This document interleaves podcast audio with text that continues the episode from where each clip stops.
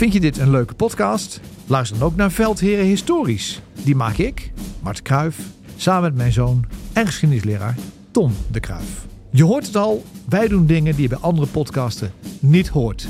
Oftewel, to boldly go where no one has been before. Zo behandelen we ook de slag om Alesia, waar Julius Caesar van twee kanten door de Galliërs werd aangevallen. Hij zou zo'n 1 miljoen Galliërs hebben uitgemoord. En Asterix en Obelix klopt niet.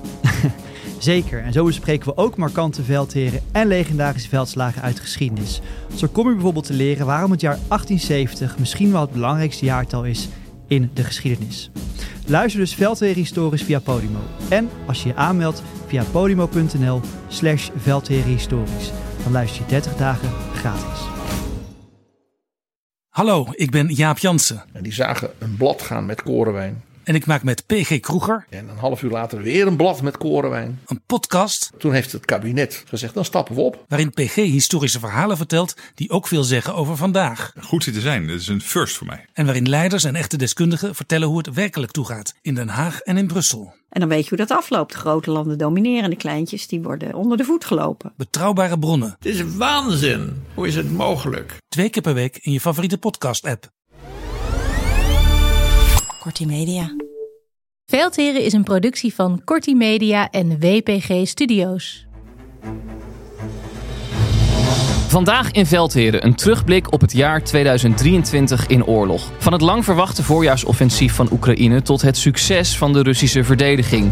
De mislukte opstand van Wagnerbaas Prigozhin en de situatie waarin de oorlog zich nu bevindt. Poetins driedaagse sprint naar Kiev werd een marathon waarvan het verdere verloop zeer afhankelijk is van wat in westerse steden wordt besloten. Mijn naam is Jos de Groot. Ik zit aan tafel met generaals buitendienst Peter van Um en Mart de Kruif. Je luistert naar Veldheren met daarin vandaag extra veel ruimte voor vragen van jou, onze luisteraar. Omdat we bestaan dankzij jullie betrokkenheid en benieuwd zijn naar hoe jullie 2023 in de oorlog hebben beleefd. En wil je nou nog meer? Luister dan via vriendvandeshow.nl slash veldheren naar Veldheren Extra.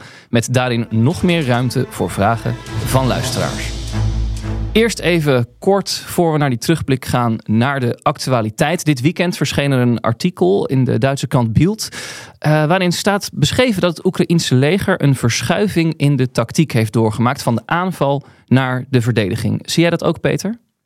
Nou ja, het is uh, niet verwonderlijk. Want Zelensky heeft het geroepen, Saluzny heeft het geroepen. Uh, dus ze, ze, doen het en ze doen wat ze zeggen. dus ik denk dat Bild dat goed heeft. Maar Bielt heeft uh, ook gezegd dat uh, Rusland uh, zijn doelen bijgesteld heeft.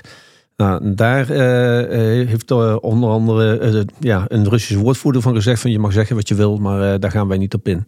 En ook Saluzny heeft daar eigenlijk niet op gereageerd. Ja, de hoogste generaal hè, van Oekraïne, ja, van nog steeds, hij zit ja, er nog. Ja, ja.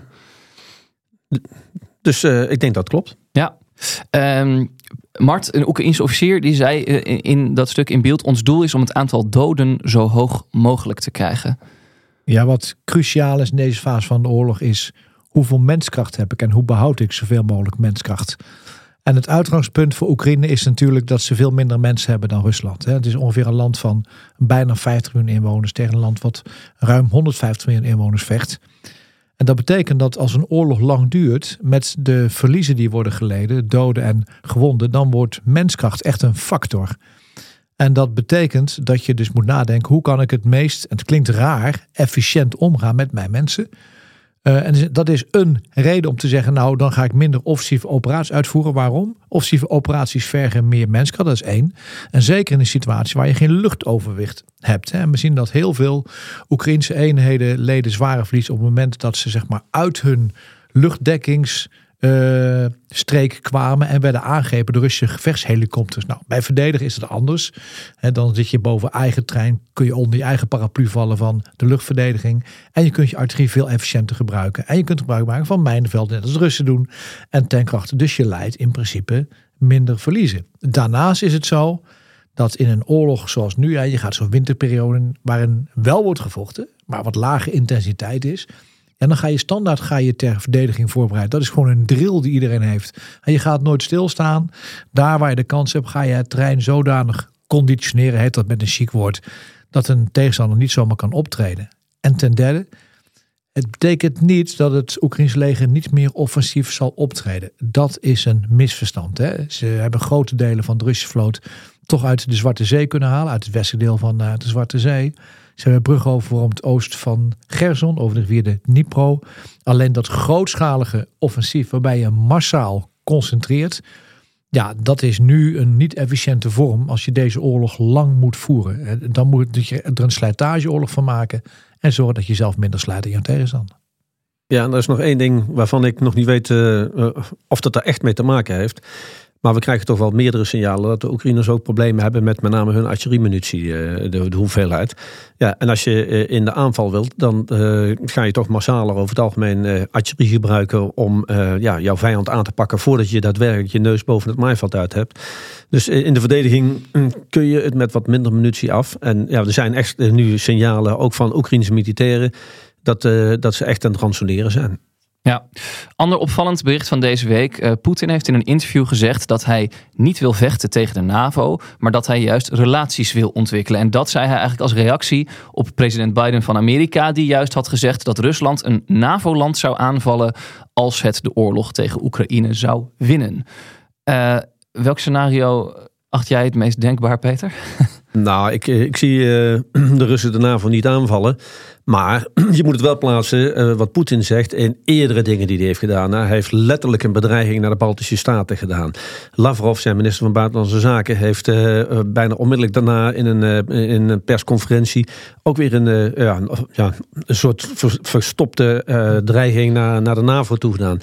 Lavrov, dit heeft, de Russische minister van Buitenlandse Zaken. Ja, ja dit heeft allemaal te maken met dat Poetin en zijn mensen die zien dat uh, het Westen, zowel Amerika als Europa, uh, momenteel ja, uh, het moeilijk hebben met beslissingen nemen voor steun voor Oekraïne. En die gooien er nog een keer een extra schep zout in die wonden om het alleen maar lastiger te maken. Je zou bijna zeggen dat Poetin voor de buren milder is geworden. Waar heb ik dat eerder gehoord? um, ja, en ondertussen, Peter, jij zegt het al, uit Washington komt deze week het bericht. Nog één steunpakket en dan is het geld op. Dat klinkt wel alsof de situatie nijpender wordt voor Zelensky en uh, ja, zijn kansen. Ja, je ziet ook dat hij uh, bijna de wereld rond toert, uh, zelfs naar Zuid-Amerika gaat, om uh, toch die steun overeind te houden en, en zo effectief mogelijk te maken. Maar momenteel heeft hij het heel erg moeilijk, want zowel Europa als Amerika laten het even afwegen en, of afweten. En ja, daar kan ook onze minister-president wel zeggen, met een aantal andere Europese politici, maar in januari gaan we het wel regelen. Dan doen we het met of zonder dat moet dan nog maar gezien worden. Maar, maar dan komt het wel. Maar voor, voor Zelensky is dat geen zekerheid. En wat er in de Amerikaanse Senaat gebeurt, is voor Zelensky ook geen zekerheid. En als ik Zelensky zeg, dan gaat het dus ook in die hele samenleving en in die hele krijgsmacht. Die voelen echt wel, ja, als jij, jouw munitie uh, geransoneerd wordt, dan begin je je toch echt af te vragen van, uh, ja, krijgen we die steun of niet? Want daar gaat het letterlijk alweer over levens en dood. En niet over een politiek besluit. Dus dat werkt ook door op het moreel. Ja, maar we nemen de podcast nu op uh, dinsdag op. Op donderdag uh, gaat Capitol Hill met kerstreces. Het zou mij niet verbazen, gezien de stilte de afgelopen 48 uur op Capitol Hill, als er alsnog een of andere deel wordt gemaakt. Maar nogmaals, dan kunnen we de volgende keer duiden. En Capitol Hill schijnt een bergje in Washington te zijn. Klein, klein bergje. ja. ik, ik, noteer een voorspelling van, van Marten Kruijff. Zo is het. Uh, dan even terug naar 24 februari 2023. De dag uh, die één jaar oorlog in Oekraïne markeerde. Um, tevens was dit de dag waarop wij begonnen met onze podcast Veldheren. Peter, even ja, terug naar dat moment. Um, met welk idee dacht jij, uh, dit is een goed idee? Zo'n podcast met mij en, uh, en Mart. Nou, nogmaals, de credits en de mensen die het bedacht hebben. Mm -hmm. Want dat was ik in ieder geval zeker niet. En uh, ja, ze kwamen bij mij uit met die vraag. ik had gezien dat er in de media toch wel behoefte was aan gewoon het duiden van wat er daadwerkelijk militair aan de hand was in die oorlog in Oekraïne. Uh, ik zag ook af en toe dat er uitspraken werden gedaan waar ik in ieder geval mijn wenkbrauwen bij fronste. Dan dacht ik van, jongen, hoe kun je dat nou zeggen? Uh, soms werden dingen ook niet gezegd. Um, dus dat was voor mij een reden om de telefoon te pakken, Mart te bellen en te zeggen van Mart, heb je dezelfde vraag gekregen en wat gaan we doen? Ja, toen waren we het er met z'n tweeën, denk ik, Mart, hè, vrij snel over eens uh, dat dit misschien in de behoefte kon voorzien. Ja, het, het, is nu een jaar geleden dat we met onze podcast Veldheren begonnen.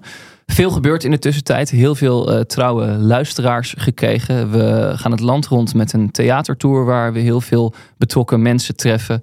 En uh, ik mag ook vandaag aankondigen... Ja, niet alleen betrokken ja, mensen, maar ook bezorgde mensen. Bezorgde mensen, zeker. Ja.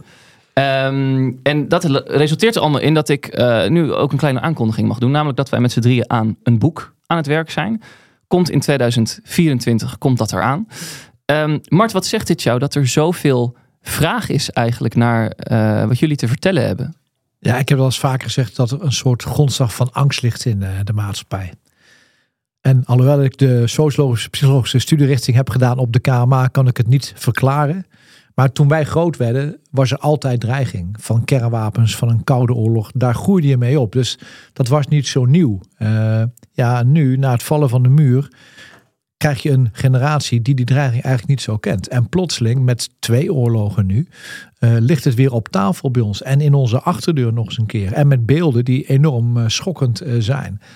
En ja, dan komt de vraag, maar wat betekent het dan voor mij en mijn toekomst? Hè? Want ja, we hebben het wel eens vaker gezegd. In de politiek maken wij heel veel discussie over hoe gaan wij de welvaart verdelen. Maar dit leidt eigenlijk naar de vraag van hoe kunnen we de welvaart behouden die we hebben. En, en, die, en, die, en die angst, zeg maar, die ondergrondse angst, leidt heel veel mensen naar de podcast en het theater. En wij dachten eerst, nou, dat worden veteranen en oude knakkers die ons kennen en die luisteren. Maar het tegendeel is waar. Ontzettend veel jonge mensen in de zaal. Die echt heel kritische vragen stellen uh, naar ons. En, en volgens mij is dat die ondertoon. Een soort angst en onzekerheid in de maatschappij. Eh, en wij vinden dat ook uh, de, de, de, echte toegevoegde waarde van die theatercolleges. Uh, wij geven ook in die colleges heel veel ruimte om vragen te stellen. Ja. De catchbox, ik weet niet of mensen dat weten, maar dat is zo'n zachte kubus met een microfoon erin. Die gaat ook echt naar de mensen in de zaal. Die gaat van, van, van, van vragen stellen naar vragen stellen. Ehm, en we krijgen de vragen dus rauw op ons dak. Ja. totdat jij Jos vindt dat het genoeg is. en dan kap je het er even af. Ja, nee, ik heb er een handvol aan om uh, die twee generaties bedankt te houden. Maar het gaat inmiddels 40 afleveringen volgens mij redelijk goed. En kortom, ja, de, de veldheren die, die hebben nog voorlopig nog uh, genoeg werk. Um, Peter, zou, zouden we eens kunnen beginnen met uh, te omschrijven in, in welke fase de oorlog in Oekraïne zich nu bevindt en hoe die daar gekomen is? kunnen we die tijdlijn eens een beetje schetsen? Nou ja, iedereen kan zich denk ik de, de, de inval uh, van de Russen nog wel herinneren. Uh, in een paar dagen zou het gefixt zijn. Daar hebben de Oekraïners uh, fantastisch stand tegen gehouden. Um, hebben veel tegengas gegeven met inderdaad westerse steun. hebben de Russen op sommige plekken zelfs teruggedrongen. Maar als je kijkt waar nu staat, dan zie je dat de frontlijn amper beweegt. Uh, dat de Oekraïners, wat we net al zeiden, eigenlijk voor hebben gekozen om nu toch meer in de verdediging te gaan. En je ziet het aan de Russische kant. Men eigenlijk over het hele front allemaal met kleine aanvallen. Hè. We hebben het er al vaker over gehad. Gewoon groepjes van 10 tot 50 man die gewoon naar voren gaan. Soms met gepantserde middelen, soms gewoon, of meestal te voet. Uh, Storm Z-eenheden en weet hoe ze allemaal genoemd worden. Eh, en over het, bij een hele front proberen ze gewoon, ja, eh, als een soort packmanager, proberen ze iedere keer weer stukjes terrein bij de Oekraïners weg te halen. En dat heeft, denk ik, een, een duidelijke reden. Het hele verkiezingscircus in Rusland is begonnen. En ze willen natuurlijk op politiek niveau graag zeggen dat het goed gaat met die oorlog. En ja, als we dan toch aan de Russische kant zitten. Ehm, want iedereen zegt van ja, die Russen hebben een gigantische missers gemaakt. Maar laat wel wezen, eh, de omschakeling van hun offensief naar de verdediging hebben ze eigenlijk heel goed gedaan, de Russen. Uh, ze hebben echt de tijd die ze van de Oekraïners hebben gekregen, maar ook door de trage opbouw vanuit de westerse steun. Uh, die tijd hebben ze heel goed benut om verdedigingen in te richten. En dat in diverse lijnen, heel veel mijnen. En dat maakt het voor de Oekraïners dan weer zo moeilijk om uiteindelijk dat offensief tot een volle wasdom te laten komen.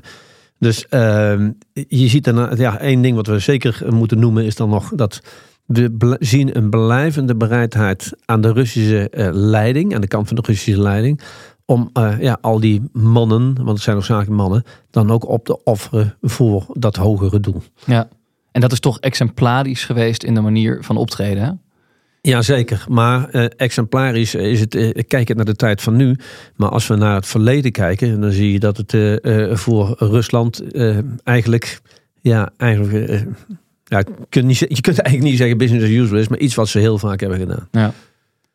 Mart, uh, Tom Middendorp die, die stipt het vorige week ook alweer aan, wat, wat Peter nu ook doet. Kijk, historisch gezien is het eigenlijk helemaal niet zo'n verrassing dat dat offensief van de Oekraïners uh, ja, een beetje stokte op de verdedigingslinies van de Russen. Omdat ze natuurlijk zoveel tijd hadden gehad um, om die verdediging in te richten.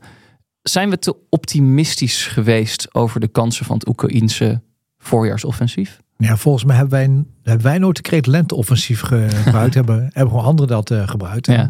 Dat had natuurlijk alles te maken met gebeurtenissen in juli van afgelopen jaar. En toen we zagen dat Oekraïne door heel verrassend optreden in staat was om in de omgeving van Kharkiv door te breken en veel trein terug uh, te winnen. Uh, en, en dat heeft bij de Russen geleid tot de les dat ze eigenlijk hun ambitie hebben bijgesteld. De ambitie was toen we begonnen ja al het hele grondgebied van Oekraïne oost van het Dnipro te veroveren, de hele kust te veroveren en Kiev te veroveren. Terwijl nu richt het zich op de vier oblasten, de vier provincies, die in het Donbass hebben en het behoud van Kiev. Dat is een andere ambitie. En in lijn met die ambitie zijn ze zich gaan ingraven. Dat is overigens wel een keus met consequenties. Want als je dat doet, wordt je eigen offensieve optreden wordt ook moeilijker. Hè? Wordt ook moeilijker. Want je moet ook door je eigen hindernis heen en je eigen mijnenveld in. Dat is wel een keuze geweest. Maar allemaal gebaseerd op de veronderstelling van Poetin dat tijd aan zijn kant is. Want hij denkt, ik heb meer mensen. En als ik omschakel op oorlogseconomie, heb ik meer materieel. Dat legt het succes voor deze oorlog voor Oekraïne eigenlijk in Europese en Amerikaanse handen. als wij wankelmoedig gaan worden en de steun brokkelt af, of wij zijn niet in staat om op tijd voldoende te produceren om Oekraïne te gaan helpen. Ja, dan, dan krijg je echt een probleem. En dan zou Oekraïne deze oorlog nog wel eens kunnen verliezen. En die stilmeet die we nu hebben, wat het niet eigenlijk is, want er wordt nog steeds wordt er gevochten. Hè. Dus is eigenlijk een verkeerd woord. Het is geen frozen conflict. En deze winter en komend voorjaar zullen we weer offensieven zien. Maar wij spelen daar een cruciale rol in, in Europa. En dat is iets wat we goed moeten beseffen. En ja, ik begrijp dat Rutte zegt, wij blijven steunen. Alleen we moeten nog heel veel stappen maken. Willen we Oekraïne van voldoende materieel moeten kunnen voorzien. En je ziet dat de Russen weer bezig zijn met een campagne tegen het energiesysteem. Om proberen ook het moreel van de Oekraïnse bevolking te gaan breken. Die signalen zien we ook aan de Russische kant. Dus het wordt niet alleen een signaal, een, een strijd van wie heeft de meeste granaten en tanks. Maar ook ja, wie houdt dit het langste vol? Deze vorm van oorlog voeren. Ja, dat gaan we zien. Ja. Nou ja, als je terugkijkt, dan is er nog één woord wat we zeker moeten laten vallen. Dat is het woord drone. Ehm, natuurlijk wisten we allemaal dat de drones uh, eraan zaten te komen en dat die ook al gebruikt werden in allerlei vormen. Maar bij, bij, de, bij deze oorlog is de drone wel uh, heel beeldbepalend geweest, om het zo maar te zeggen. En uh, ja, zowel op het slagveld, maar ook in de PR-campagne. nu recentelijk hebben Oekraïners met een drone weer Russen gezien die gewoon Oekraïnse krijgsgevangenen voor zich uitdreven. Nou, dan, dan, dan film je als het ware gewoon een oorlogsmisdaad. Ja? Uh, dus dat, dat is dan, ja, het klinkt heel raar, de winst van de drone. Hm. Maar ook in de gevechtsomstandigheden. Het is nog, uh, nog steeds, of eigenlijk veel moeilijker geworden om nog uh, verhullend op te treden, je te verstoppen. want die drones die zwermen bij wijze van spreken overal. en bieden onmiddellijk de doelen aan voor je artillerie en je mortieren. Ja. Ehm, en, ja, je wat ziet... Eerder zei, hè, van bijna alle bewegingen van je tegenstander zie jij en vice versa is dat ook zo. Ja, en je ziet dat de impact van drones zo groot is. Ik refereer nog even aan dat, uh, dat interview met die uh, Oekraïnse mortirist die gebrek aan munitie had, uh, die stuurt dus nu zijn waarnemingsdrones gewoon op de Russen af. En de Russen reageren al op het feit dat die drone er is. Je hoeft niet eens te schieten. ze zien een drone en ze, ze, duiken alweer weg. Uh, ja, dat is nu het effect van deze dingen in deze oorlog. En die maakt hem nog transparanter dan hij al was. Ja. En ik denk dat we ook even moeten noemen de enorme intensiteit van de gevechten. Want dat zijn wij gewoon niet meer gewend. Er zijn twee constateringen die je kunt doen. A, de verliezen zijn ontzettend groot aan beide kanten. Dan praat je over doden en gewonden, alles bij elkaar. Wij kunnen ze niet tellen. Maar heel veel indicaties rond de 600.000 doden en gewonden. Dat is heel veel. En we zien ook dat de verhoudingen doden en gewonden anders is. dat er uh, minder gewonden zijn, omdat de letaliteit, noemen ze dat, zeg maar de dodelijkheid van de wapensystemen, is veel groter. En dan gaan we komend jaar nog een uitzending aanwijzen aan de hele geneeskundige keten die daarachter zit. Ja. Maar dit is niet alleen een intensieve oorlog, is ook qua verwondingen een gruwelijke oorlog. Ja. Wat, wat misschien uh, de aflevering van ons was, waar we de meeste reacties op kregen, dat was aflevering nummer 23, ik heb het even teruggezocht, over uh, de mijnen. Uh, eh, en over het mijnen prikken. En over hoe de Oekraïners daar eigenlijk op een hele primitieve manier mee om moesten gaan. Wekte veel verbazing bij luisteraars, ook bij mij. Ik was me daar helemaal niet van bewust. Maar het is misschien wel exemplarisch voor de moeilijkheden uh, die komen kijken bij oorlog voeren. Ja, de techniek kan nog uh, zo vooruitstrevend zijn, maar vaak word je op hele basale dingen uh, teruggebracht. En ja, als je in de loopgraaf staat, dan ben je eigenlijk uh, zonder dat de vijand er al is al bezig om en met de weersomstandigheden van nu om te overleven. Dan heb je het dan moeilijk om gewoon overeind te blijven, de mensen warm te houden en ze in ieder geval in staat tot vechten te houden. Ja, en als dan die vijand er nog bij komt, dan wordt het dus twee keer zo lastig. Um, dus ja, je, moet soms hele basale dingen doen. En bij de mijnen vooral, ja, het, uiteindelijk is het de, meest, uh, de beste garantie heb je als je uiteindelijk gewoon, ja, ik kan het niet anders zeggen als soldaten, op je platte pens met die prikker voorwaarts gaat. Ja. Um, de Washington Post uh, schreef een uh, reconstructie over de rol van de Verenigde Staten achter de schermen in deze oorlog. En schrijft daarin onder andere: Oekraïne kreeg niet de wapens die het nodig had om verschil te maken, maar wel het advies de tegenaanval te concentreren op één punt in het zuiden. Niet verspreid over drie plaatsen, zoals de Oekraïners zelf wilden. Mart, um, we hebben natuurlijk veel ook besproken hè, die, die, dat de Oekraïners eigenlijk iets anders misschien wilden dan wat de Amerikanen adviseerden. Is dat een belangrijk obstakel geweest in het optreden van Oekraïne, denk jij? Dat vind ik ontzettend moeilijk te duiden. Want uh, een concentratie van middelen maak je ook enorm kwetsbaar. Zeker als je geen luchtoverwicht hebt. Als je alles op elkaar stapelt. En de Russen zijn in staat al hun gevechtshelikopters en vliegtuigen daarop te concentreren. Ben je uitermate kwetsbaar. Dus ik weet niet wat wijsheid is. En daar hoort ook wel een cultureel ding bij. Hè? Um, de Amerikaanse krijgsmacht, die denk ik redelijk goed ken, heeft echt een beetje de filosofie van uh, if you have a hammer, every problem looks like a nail. En die gaan altijd met massaal overwicht ergens in. Alleen de ironie is, Oekraïne heeft niet meer mensen en had geen luchtoverwicht. Dan kun je bijna niet op één plek een groot offensief maar ben je jouw tegenstander zo lang mogelijk in het ongewisse te laten waar jij dat zwaartepunt hebt. Want je dwingt jouw tegenstander namelijk om zijn reserves te verspreiden. Daar gaat het om. Dus ik vind het moeilijk te duiden wat in de hoofd van Zelensky is doorgaan. Maar ik vind het militair gezien is het een logische keuze dat je niet alles op één plek concentreert. Als je minder mensen hebt, minder middelen en geen luchtoverwicht. Ja. ja, en we moeten er ook van een andere manier naar kijken. Want we weten niet wat er zou zijn gebeurd als een van die de, drie pogingen uh, echt was geslaagd. Uh, we hebben wel gezien dat de Oekraïne heel goed was in het achterhouden van zijn gepantserde eenheden. En die zo laat mogelijk inzetten. En heeft ze wel geconcentreerd op een paar plekken. En misschien zat daar echt wel het grote plan achter. Van uh, als we ergens een doorbraak hebben, dan komen we met de rest. En hebben ze niet op één, maar op drie paarden uh, uh, willen wedden. Um, ja, was dat geslaagd, had iedereen geroepen dat het briljant was geweest. Ja. ja dus het is altijd moeilijk in te schatten. Een, een, van, uh, Amerikaanse betrokkenen had ook, wordt geciteerd in dat stuk. En die zei: Oekraïne zou wel 30 tot 40 procent van zijn manschappen en materieel verliezen. Makkelijk voor ons om dat tegen ze te zeggen. Juist. En voor de, de vakmensen onder ons. Oekraïne zit ook aan de binnenkant, aan de binnenlijnen noemen ze dat. Die kunnen hun troepen makkelijker verplaatsen van links naar rechts dan de Russen. En dat doen ze ook. Een voorbeeld is de 47e brigade. Die is ingezet in Zaporizhia. Heeft daar niet de doorbraak kunnen veroorzaken en heeft veel verlies geleden. Maar wordt nu weer ingezet ten zuiden van Afdivka om de Russen daar te stoppen. Ja. Niet alleen omdat ze dat kunnen, maar ze kunnen ook sneller verplaatsen als dat de Russen dat kunnen doen. En, en dat is ook voor de verdediging wel een voordeel. Jij kunt je troepen makkelijker verschuiven dan jouw tegenstander. Ook dat is weer een reden om toch even verdedigend te denken in deze fase. Ja, en vanuit het Westen, wij zaten nog steeds met die doctrine. Waarbij we met gepantserde eenheden uiteindelijk een, uh, door zouden inbreken en doorbreken in een verdedigingslinie. Maar door die uh, grote voorbereidingstijd die de Russen hebben gehad, werd dat verhaal dus eigenlijk geblokkeerd. En terecht, wat Maart zegt, er was geen luchtoverwicht. Uh, dus dat, dat maakt het ook al voor die gepantserde eenheden heel erg moeilijk. Nou, je ziet eigenlijk weinig beelden van grote Oekraïnse gepantserde eenheden die helemaal uh, uh, plat gebombardeerd of aangegrepen zijn door drones. Je ziet het wel van kleinere eenheden. Maar we hebben wel gezien dat aan de Russische kant hoe fataal dat is geweest toen ze dat hebben ingezet. En nog steeds proberen de Russen met van soms 10, 20 gepantserde voertuigen toch nog weer een aanval te doen. En meeste tijd worden die ontdekt en worden ze weer aangegrepen. Ja.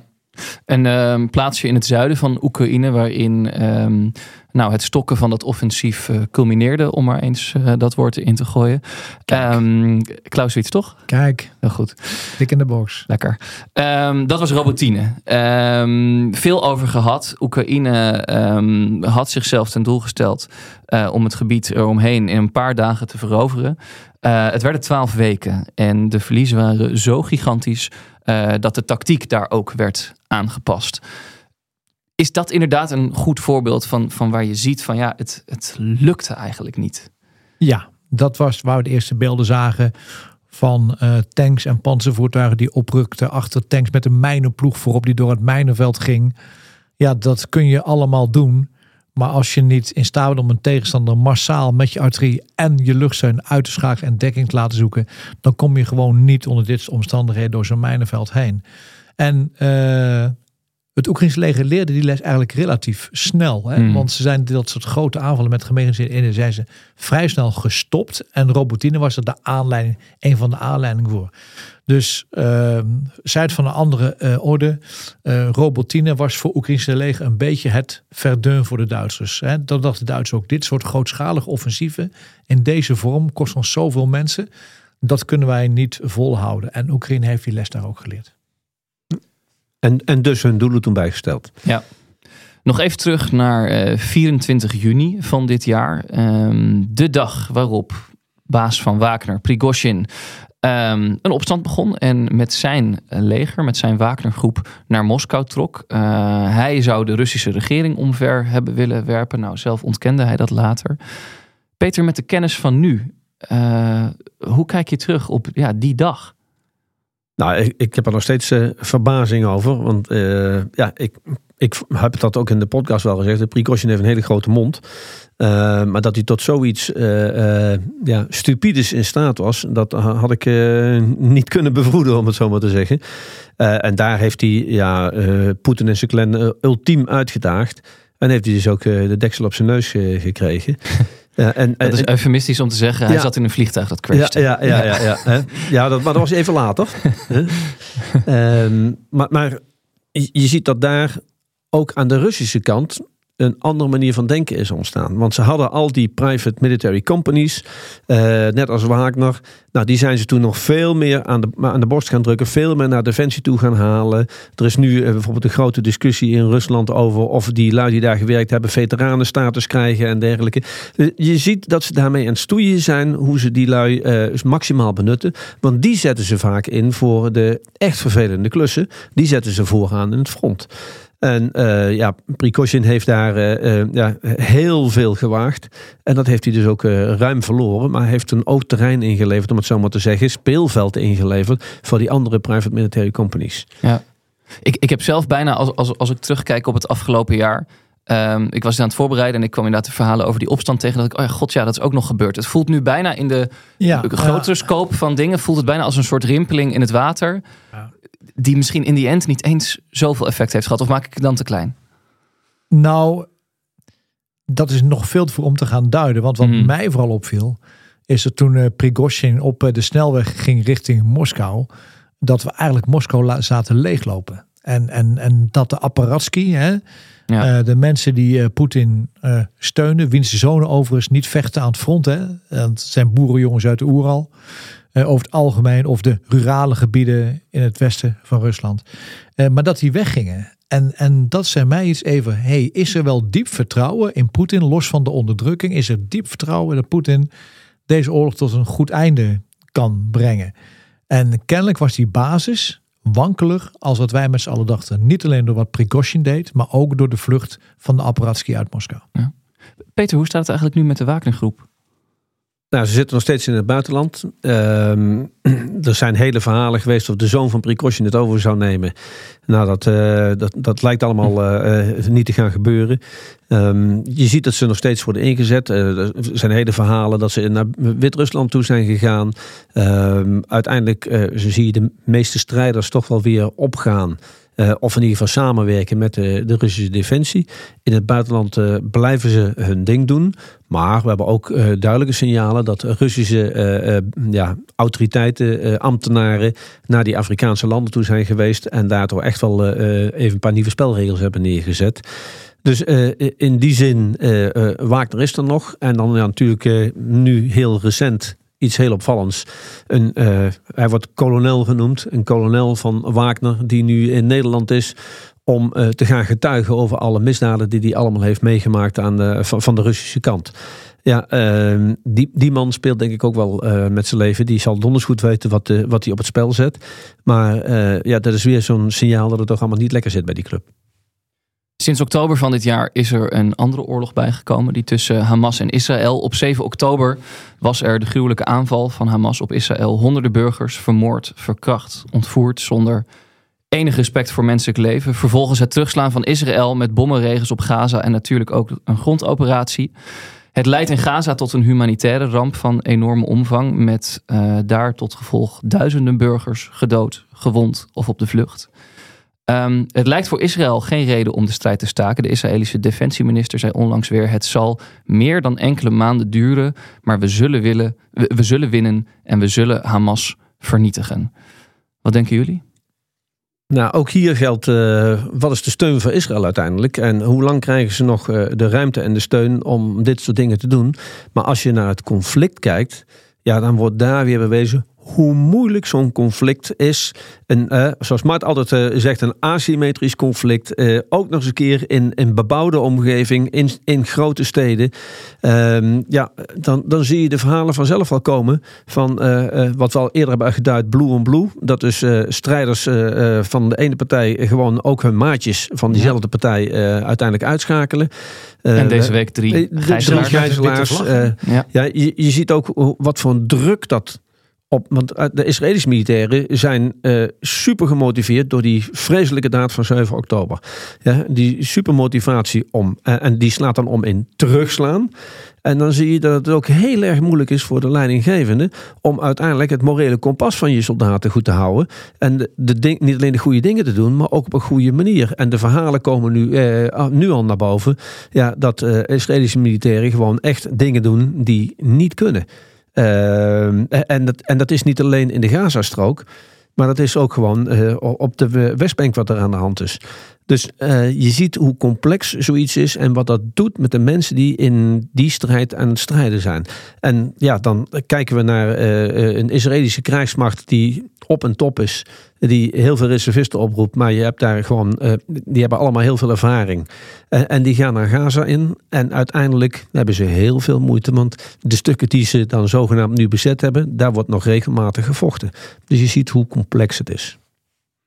Het is echt een, een klassiek voorbeeld van een oorlog die in mijn ogen uh, militair niet te winnen is door beide partijen niet. Nee. Dat geeft ook een aparte lading aan deze oorlog. Ja, want... waar, waar, toch die defensieminister natuurlijk zegt: we zullen willen, winnen en Hamas vernietigen. Waar ik steeds van jullie leer, dat kan eigenlijk niet. Als je even, als je even uitzoomt, Hamas zal Israël nooit vernietigen.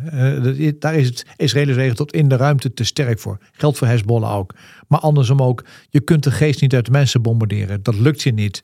Sterker nog, misschien bombardeer je de geest wel in mensen. Want als jij daar als jongen rondloopt van acht of tien jaar en je ziet wat er gebeurt met jouw volk door de Israëli's, dan heb je een generatie vijanden gekweekt die een keer terug gaat komen bij jou.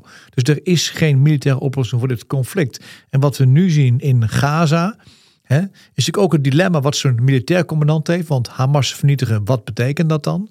Ja, je kunt ze een aantal jaren degraderen door de tunnels uitschakelen en de voorraden uitschakelen.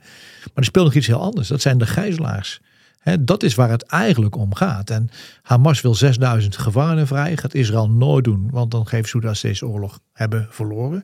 Maar dan krijgen ze de gijzelaars ook niet vrij. En daarom gaat deze oorlog ook nog voor een gedeelte door. Omdat ze in een politiek web zitten dat geen van beide partijen nu kan stoppen. En dat betekent dat hier alleen maar een politieke oplossing mogelijk is. En die moet van buiten afkomen. Ja, maar, maar dat, dat, dat is dus ook het probleem. Want eh, Jos refereert aan een eh, uitspraak van de Israëlische minister van Defensie.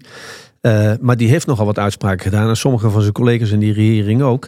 Uh, ja, als, je, als je gewoon zegt van we, we zetten heel Gaza zonder stroom, zonder voedsel, zonder medicijnen en dat soort dingen.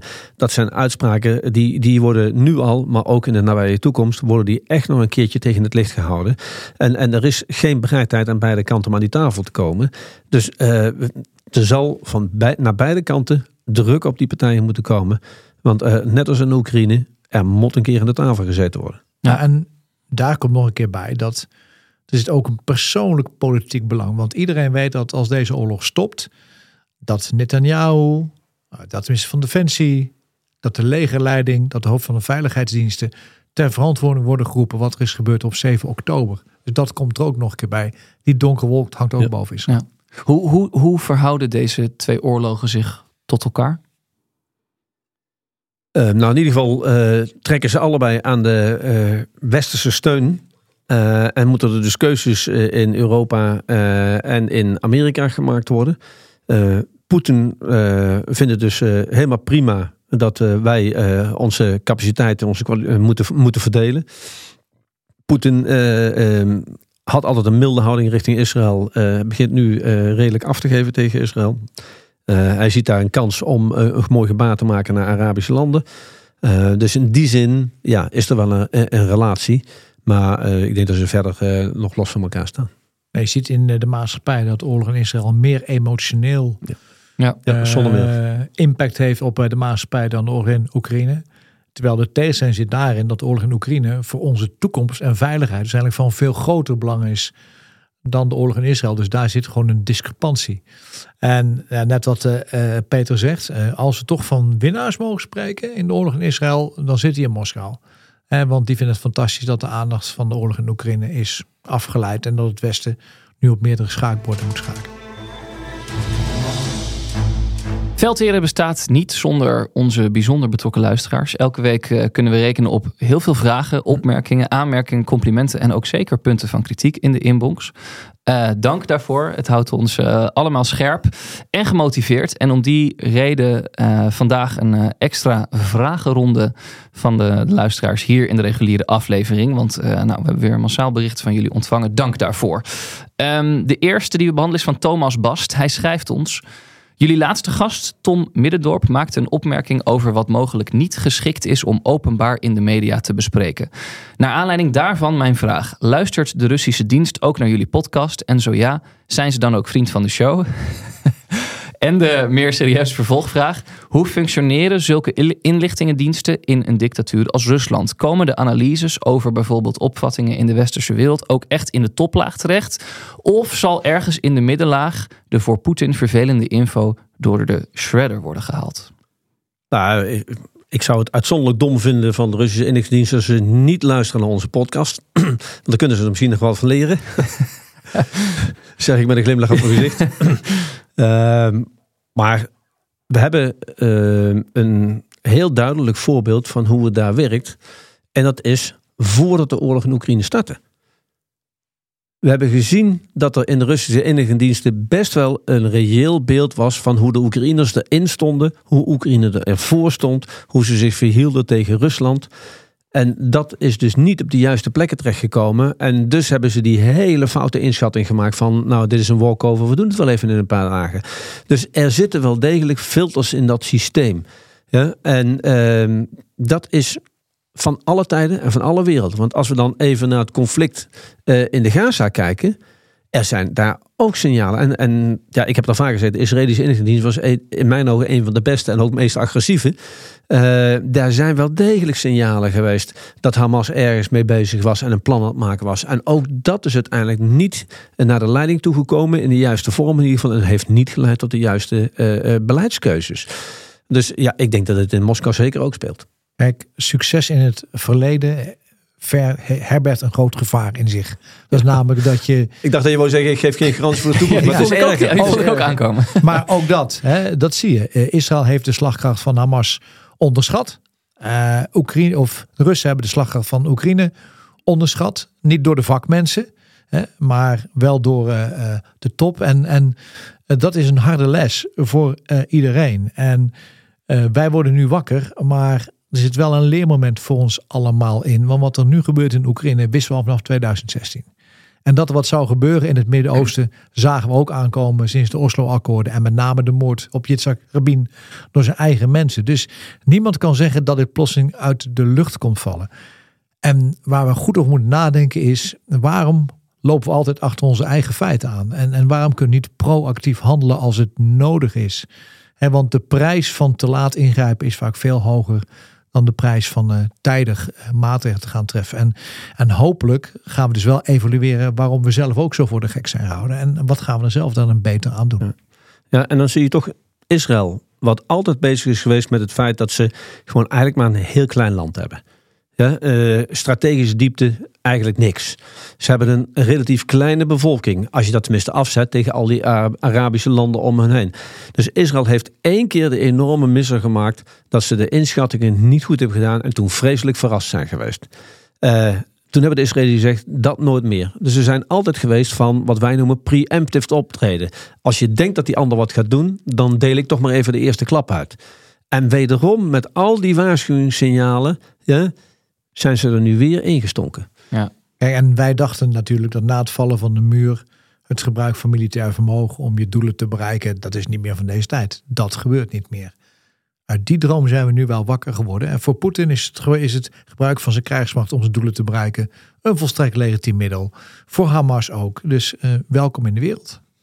Ja, maar ik ben toch bang dat er een hoop mensen weer snel naar de naïeve fase terugvallen. Ja, daarom zeg ik het nog maar een keer. De toekomst zal het leren, zeg ik dan maar. Gaan we door naar de volgende vraag. Die uh, is ingestuurd door R. Buitenhuis. Maar deze uh, hebben we vaker gehad. Daarom ook goed om hier toch weer een keer op tafel uh, te leggen. Hij schrijft: Je leest vaak dat het Westen, Oekraïne, net niet de wapens levert die ze nodig hebben om echt door te breken. Dat is een sentiment wat, wat we heel vaak hebben besproken. Maar wat moeten deze wapens dan wel bereiken? Ja, ik kijk daar toch anders tegenaan. Ik denk niet dat het de bewuste opzet van het Westen is geweest om net niet voldoende te leveren voor de Oekraïners. Natuurlijk zijn er discussies met de Oekraïners geweest over lange dracht, eh, middelen, die mag je niet inzetten eh, op Russisch eh, grondgebied. Uh, volgens de Oekraïne, Russisch grondgebied, want uh, Russen denken daar wat anders over. Uh, maar het is meer de interne discussie in het Westen geweest van wat, wat, moeten we wel, wat moeten we niet doen. En, en, daarbij hebben we gewoon langzamerhand steeds meer stapjes gemaakt. de discussie over eerst helmen, dan panzervoertuigen, dan tanks, dan F-16's. Ehm, dus het is meer het, ja, het, bewustwordingsproces in het Westen wat, wat het zo vertraagd heeft. Los van het feit dat je met een aantal landen het moet proberen eens te worden. Dat kost ook altijd tijd. Dus het is in mijn ogen niet de bewuste opzet geweest om de Oekraïners nou maar met één hand op de rug te laten vechten. Dat, dat, dat is volgens mij niet zo. En ja, we hadden natuurlijk de hoop dat die middelen uiteindelijk de Oekraïners een soort game changer zouden geven. Terwijl wij hier altijd hebben gezegd, die, die hebben wij nog niet gezien, die game changer. Maar dat is natuurlijk wel de hoop bij een heleboel mensen geweest. Als we snel maar de juiste spulletjes geven, dan gaat het wel goed voor de Oekraïners. En dat, dat ja, hebben wij in ieder geval in de podcast nooit uh, zo neergezet en ook nooit gedacht. Of zoals een uh, hoge Belgische generaal een week geleden zei: als de Russen ons nu zouden aanvallen, moeten we met stenen gaan gooien. He, we hebben ook eigenlijk alles gegeven wat we hebben. Zoveel meer hebben we niet. Nee. En we hebben het al eens vaker erover gehad, maar we zijn nu Leopard 1 uit de jaren 60 en 70 de, de Atari-computer uit aan het halen om de nieuwe vuurlijnscomputer erin te zetten, om ze Ja. uiteindelijk naar het front te kunnen sturen. Ja, als je niets hebt, dan kun je ook heel weinig geven. En als je geen industrie hebt die kan produceren, kun je ook heel weinig geven. Er is eigenlijk maar één land die dat kan. En dat is de VS. Dus Ja. wij zijn nog steeds in Europa gruwelijk afhankelijk van de VS. Ja, met enig sarcasme, maar kasseien komen hard aan hoor. Nou, we sturen de mensen wel met een gitzwart beeld de kerst in, hè? Eh, volgende vraag. die Nee, nee, is- daar moeten we er toch wel even bij zeggen dat we nog niet. eh, eh, kijk, die Belgische generaal die geeft een signaal af. Tuurlijk, Maar het wil niet zo zijn dat, we, dat wij hier gaan zeggen dat eh, Rusland binnenkort onze kant op komt. dat is ook weer zo. Volgende vraag, die is van Rijn Tuininga. Hij schrijft ons, iedere keer als ik jullie podcast hoor, moet ik denken aan de KADI. Wat is dat, Mart? De Ik- kantinedienst. De kantinedienst, heel Ja. goed. Ik heb het gisteren gegoogeld. Ehm Rijn Tuininga schrijft... Ik, lichting 79.5, weet nog dat de kantinedienst langskwam... om de mensen te voorzien van van alles en nog wat. Ja, hij moet die, die rookworsten weer geroken hebben. Hij schrijft: Ik hoor steeds dat de Russen soldaten niet rouleren. Dat betekent dat er mannen maandenlang in de loopgraven zitten. Hoe zit het met het aanvoeren van voedsel en andere zaken die ze nodig hebben? Koken de mannen zelf in hun zelfgemaakte onderkomens of komt het eten van de veldkeukens? Als dat zo is, dan bombardeer je die toch plat en dan is het snel gebeurd. En hoe lang houd je het vol met zes groene onderbroeken? Nou, daar kun je het heel lang mee volhouden. Want die kun je omdraaien binnenste buiten. Dus daar kun je eh, heel lang mee doen. ik, ik had er nooit zes bij me. Ik weet niet of mensen dit willen weten, maar ga door. Nee, maar ehm, de klasse 1, zoals wij dat eh, eh, in militaire termen noemen, het eten en drinken, dat is natuurlijk heel belangrijk. En nu in de winter wordt dat alleen nog maar belangrijker, want je, je verbrandt alleen nog meer calorieën om warm te blijven. Dus je moet goede kleding hebben, je moet goed eten hebben. En ehm, ja, het zal per situatie zal het verschillen hoe ze, hoe ze dat doen. Maar ehm, ja, uiteindelijk, ik heb al gezegd, de logistiek schiet altijd met scherp. Als het eten er niet is, heeft iedereen een probleem. En ehm, je, je zult dus zien dat in de loopgraven gewoon op kleine potjes gewoon eh, ja, gekookt wordt. En de, de vragensteller gaat, eh, heeft het hier over de Russen die heel lang eh, aan het front blijven. Maar laten we niet vergeten dat een heleboel Oekraïense militairen ook gewoon al eh, heel lang aan het front zitten. Ja. Wel misschien met af en toe een keer verlof en misschien naar een andere plek toe. Maar uiteindelijk, de, ook de Oekraïnse militairen vechten al heel erg lang en proberen uiteindelijk eh, het lichaam eh, fit en gevechtsgereed te houden. Ehm, ja, dan zie je ook de verhalen van Oekraïnse vrijwilligers die gewoon met hele stapels pizza's naar het front rijden om, om de mannen voorin een keer eh, een feestje te bezorgen. Ehm, maar, maar, het is gewoon heel erg moeilijk. En soms kun je met grote gaarkeukens, eh, bij wijze van spreken, hè, de militaire keukens, kun je het af en dan gaat het in gemellen naar voren. Eh, en soms zul je het gewoon eh, met je noodrantsoenen moeten doen. Kijk, even uitzoomend. Als een oorlog minder statisch is, is het wat makkelijker om mensen met eten te bevoorraden. Als oorlog beweegt, wordt dat moeilijker. Hè? En daar heb je allemaal trucken voor. Eh, je hebt eh, noodrantsoenen, je hebt gevechtsrantsoenen. Het verschil tussen is, een noodrantsoen maak je pas open als het echt moet. Gevechtsrantsoenen, daar is eigenlijk alles in wat je gewoon nodig hebt. Met heel veel calorieën, allemaal uitgerekend. Eh, maar Ja, dan even voor die oud-dienstplichtigen, hè, want dat was het eerste wat er altijd uitging. Dan waren de blikken met dat, fru- met dat fruit. Hè? ja, ja, en Dat is even, even nostalgie is dit. dat het eten van, van de, de motivatie van de soldaat gaat door de maag. Dat is ook een fantastische anekdote over toen wij voor dit begonnen met HCCP. Dat is hygiëne en preventieve gezondheidszorg. Dan kwam een nieuwe fourier op het oefentrein en het voor 12 graden. Deed de gemellen open. Stak de temperatuurmeter in en zegt het is 76 graden. Ik mag het niet uitdelen. Nou, als daar 120 hongerige mensen, mensen zijn, die heeft voor zijn leven moeten rennen, die fourier. Eten is cruciaal. En we zien, als je dat niet goed doet, en die cijfers zullen wel later komen, dat je een heleboel, we noemen dat non-battle casualties aan het front hebt. Dus mensen die loopgraafvoeten hebben of psychische problemen. Het hangt allemaal met elkaar samen. Mensen die niet door gevechtsacties worden uitgeschakeld, maar door ondervoeding, door bevriezingsverschijnselen, door kou of door ziekte. Volgende vraag, die is van Laurent de Donnea. En hij schrijft ons: Zou het een goed idee zijn dat Oekraïne begint aan de ontwikkeling van eigen kernwapens? Of dat nadat deze oorlog op een of andere manier beëindigd is, dat ze van ons eh, kernwapens krijgen? Ergens vind ik dat ze deze te goed hebben van het Verenigd Koninkrijk of Duitsland, aangezien ze ze hebben afgestaan aan Rusland tegen voorwaarden. En zo zie je maar, met Russen kun je geen afspraken maken.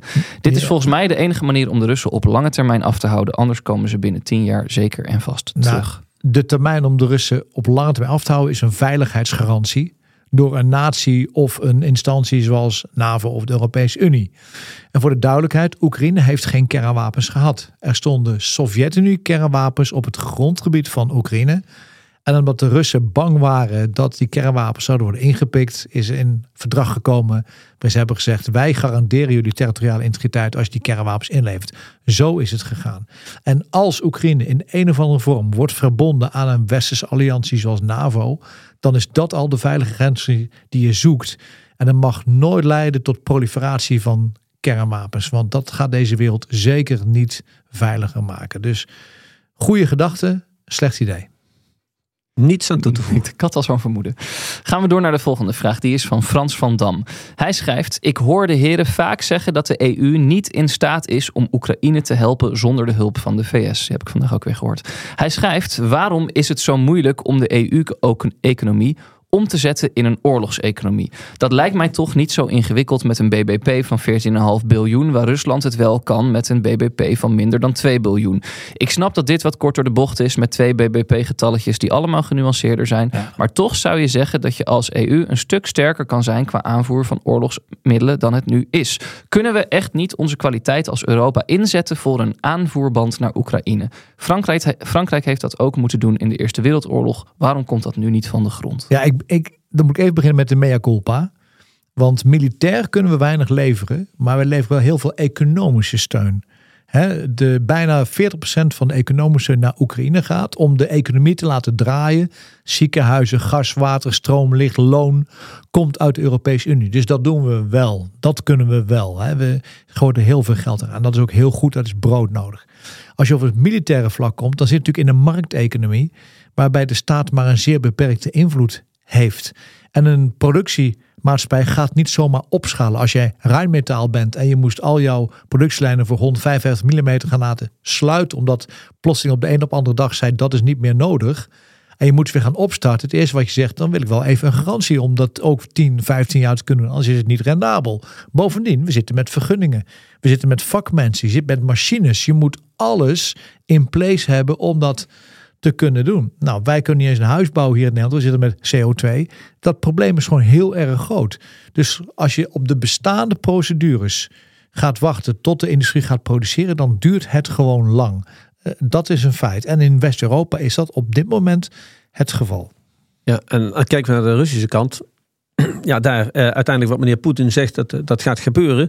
En uh, stikstofvergunning, hoezo? Uh, ja, bevolking die last heeft van vuile lucht, hoezo? Ja. Ehm, daar wordt, is het dus veel makkelijker. Ik vind het nog steeds een mooi voorbeeld. Na de Tweede Wereldoorlog kwam het communistische systeem ook in Polen. Warschau was voor een groot deel platgeschoten. En in het communistische centralistische systeem zeiden ze gewoon, we gaan het herbouwen.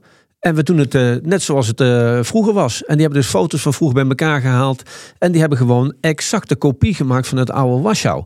Dat kan in zo'n systeem. Dat is in het Westen ondenkbaar. Ik bedoel, ik kom uit Nijmegen. Daar is een deel van het centrum ook plat gebombardeerd. Nou, daar gingen we echt niet meer op dezelfde manier uh, herbouwen. waardoor we nu nog steeds met een lelijk centrum zitten overigens. ja, dan zit, er zit die halve Arnhemmer daar tegenover mij te grijnzen. Nee, Rotterdam is nog erger. Maar... maar, maar dus uh, daar zit je. Uh, zij hebben daar een voordeel. En Churchill heeft altijd gezegd: democratie werkt niet, maar er is niks beters. Ja, want je hebt heel veel tijd nodig om tot consensus te komen. Nou, in een samenstel van democratische staten kwadrateert dat als het ware. Dus het is ook moeilijker om tot besluiten te komen. En, en, en, en, daar, en daar falen we dus. Want als je weet dat Poetin militaire middelen zo gebruikt. en wij gebruiken militaire middelen pas als laatste remmiddel. beginnen we altijd op achterstand. Dat is niet erg. Maar dan moet je twee dingen doen. Zorg dat je je voorraden op orde hebt. Dat is één. En punt twee, dat je een plan hebt om snel te kunnen produceren. Dat is twee. Beide hebben we niet. En hadden we niet heb ik nog één vraag. Die is van Madelon Karels. Uh, zij schrijft ons: In mijn ogen is Wilders volkomen ongeschikt om de lange termijn waar jullie het vaak over hebben te overzien. Dat blijkt alleen al wel uit zijn opstelling ten aanzien van Oekraïne en de EU. Hij is, woorden van mevrouw Karels, een verwende kleuter in zijn gedrag en dus zal het verstand van de andere kant moeten komen. Kunnen we op jullie rekenen in dit geval? Wilders was een goede geweest voor de militaire dienst, want dan had hij manieren kunnen leren. Jammer dat hij er niet meer is. Ja, volgens mij wil mevrouw Karels horen of jullie beschikbaar zijn om de politiek uh, de goede kant op te duwen. Nou, eh, laten we eerst even wat anders zeggen. Geert Wilders heeft niet de politieke macht gehad de afgelopen twaalf jaar. En de staat van de krijgsmacht nu kun je op geen enkele manier koppelen aan Geert Wilders. Daar zijn anderen verantwoordelijk voor. Laat daar even heel duidelijk over zijn. Zeker. Dat kun je daar niet aan zeggen. En het tweede is, we hebben dat eens vaker gezegd. Ja, politiek. Uh, als ik voor uh, mijzelf praat, en ik denk dat Peters, uh, dat ik hem al een beetje weet wat hij uh, gaat zeggen. Maar er zijn twee redenen waarom ik niet in de politiek zou gaan. Het eerste is, als ik morgen begin, dan wil ik overmorgen resultaat zien. Dat gaat in de politiek niet lukken. En het tweede is, we hebben zeker ook op het defensiegebied gewoon een aantal goede mensen in de Kamer zitten. Daar heb ik heel weinig toegevoegde waarde. Dus laat die lekker hun werk doen. En uh, dat kunnen ze al de komende 30 jaar doen. Die tijd heb ik gehad. Dus ik vertrouw in de mensen die er nu zitten. Eh, maar Mart wordt toch een beetje langzaam een diplomaat. Hè? Want, eh, want voorheen zei hij van ik ben er gewoon totaal niet geschikt Ja, voor. dat Maar nu begint hij het uit te leggen. ja, en ik heb het volgens mij al een keer uitgelegd. Eh, ehm, ik vind het een groot goed dat de Nederlandse burger de krijgsmacht vertrouwt. Eh, in allerlei onderzoeken blijkt dat ook weer. Eh, eh, en helaas, het vertrouwen in de politiek staat een stuk lager. Als jij als boegbeeld of oud boegbeeld van eh, de krijgsmacht dan de politiek ingaat, gaan mensen ook anders naar de krijgsmacht kijken. Gaan ook politici anders naar de krijgsmacht kijken. Gaan ook politici anders naar mijn opvolgers kijken. Dus ik ben daar zeer terughoudend in. En ik heb altijd gezegd, de enige omstandigheid waarom ik, waar- waarin ik daar zou over willen nadenken, is als we naar een zakenkabinet toe gaan, waar je los van het partijsysteem gewoon op je kwaliteiten en je kennis en ervaring op een stoel komt. Maar ik wil nog wel één ding zeggen over deze vraag. Eh, want Wilders heeft altijd eh, in de oppositie gezeten of als gedoogpartij, waarbij hij gedoogde, maar ook gewoon vond dat hij in de oppositie zat. En Wilders heeft altijd de vrijheid gehad om van alles eh, te roepen, uit te kramen en te doen, zonder dat hij daar echt op werd afgerekend. Ehm, stel dat er een regering komt met de partij van Wilders daarin, dan zullen we echt zien hoe die zich verhoudt. En eh, ehm, ik, ik vind het jammer. Echt, ik vind het slecht dat hij zegt dat hij Oekraïne niet wil steunen. En er zijn nog wel een paar puntjes in dat progra- partijprogramma waar ik het totaal niet mee eens ben. Maar ehm, ja, we zullen moeten afwachten eh, als dit gaat gebeuren. Of die eh, nou echt eh, laat zien wat zijn ruggengraat is. The proof of the pudding is in the eating. Laten we nog even de blik naar voren werpen. Ehm, komt dus een nieuw jaar aan. Ehm, hoe kijken jullie naar de doelen van Poetin? Hij heeft kort geleden eh, op een strak geregisseerde bijeenkomst toch ook weer gezegd dat eh, de doelen waarvoor de Russen Oekraïne binnenvielen nog steeds overeind staan. Denazificatie, demilitarisering en het veiligstellen van de neutraliteit van Oekraïne. Eh, nou, dat laatste zou betekenen dat Oekraïne geen lid kan worden van de EU en ook niet van de NAVO. Volgens Poetin. Dat klopt. Nou ja, Poetin blijft gewoon doen wat hij aan het doen is. En eh, voor hem is het belangrijkste dat hij zijn machtsbasis in Rusland houdt. Want dan kan hij gewoon dat ook blijven doen. En je ziet dat er eh, gemor is onder militairen, gemor is onder een, eh, families van militairen, eh, gemor over nabestaanden van militairen. Ehm, maar één ding is zeker, die verkiezingen gaat hij glansrijk winnen. Eerlijk of oneerlijk? Daar heb jij geen twijfel over. Nee. Nee, de enige vraag is of hij 99 of 98 procent van de stemmen krijgt. Ja, dat is lastig. ja, ja. Nee, maar ik denk dat 2024 ehm, wel een heel belangrijk jaar wordt. Zeker als we praten over Oekraïne. Oorlog, Israël kan ik moeilijk duiden, want ik weet niet hoe lang die oorlog nog doorgaat. Ehm, maar ehm, als de situatie over een jaar nog is zoals nu, hè, dan is dat voor de Russen minder goed nieuws dan voor Oekraïne. Hè, want de sancties gaan steeds meer werken. Eh, de verliezen zijn groot. Ehm, en je ziet dat de intern in Rusland, via heel veel kanalen zie je dat wel, ook de discussie steeds sterker wordt van ja, wat zijn we hier eigenlijk aan het doen? Ehm, dus wat dat betreft is ook wel zinvol dat Oekraïne nadenkt over hoe kunnen we vooral in het defensief zo slim mogelijk gaan opereren. Want Poetin denkt dat de tijd aan zijn kant is, maar ook hij heeft niet onbeperkt de tijd. Ehm, in ons werkveld waar Martin en ik hebben gezeten, daar eh, spreken de Amerikaanse collega's heel vaak over eh, a decisive year. Eh, en ieder jaar hadden ze weer een decisive year. En dan moesten wij als Nederlanders altijd een beetje, een beetje om lachen.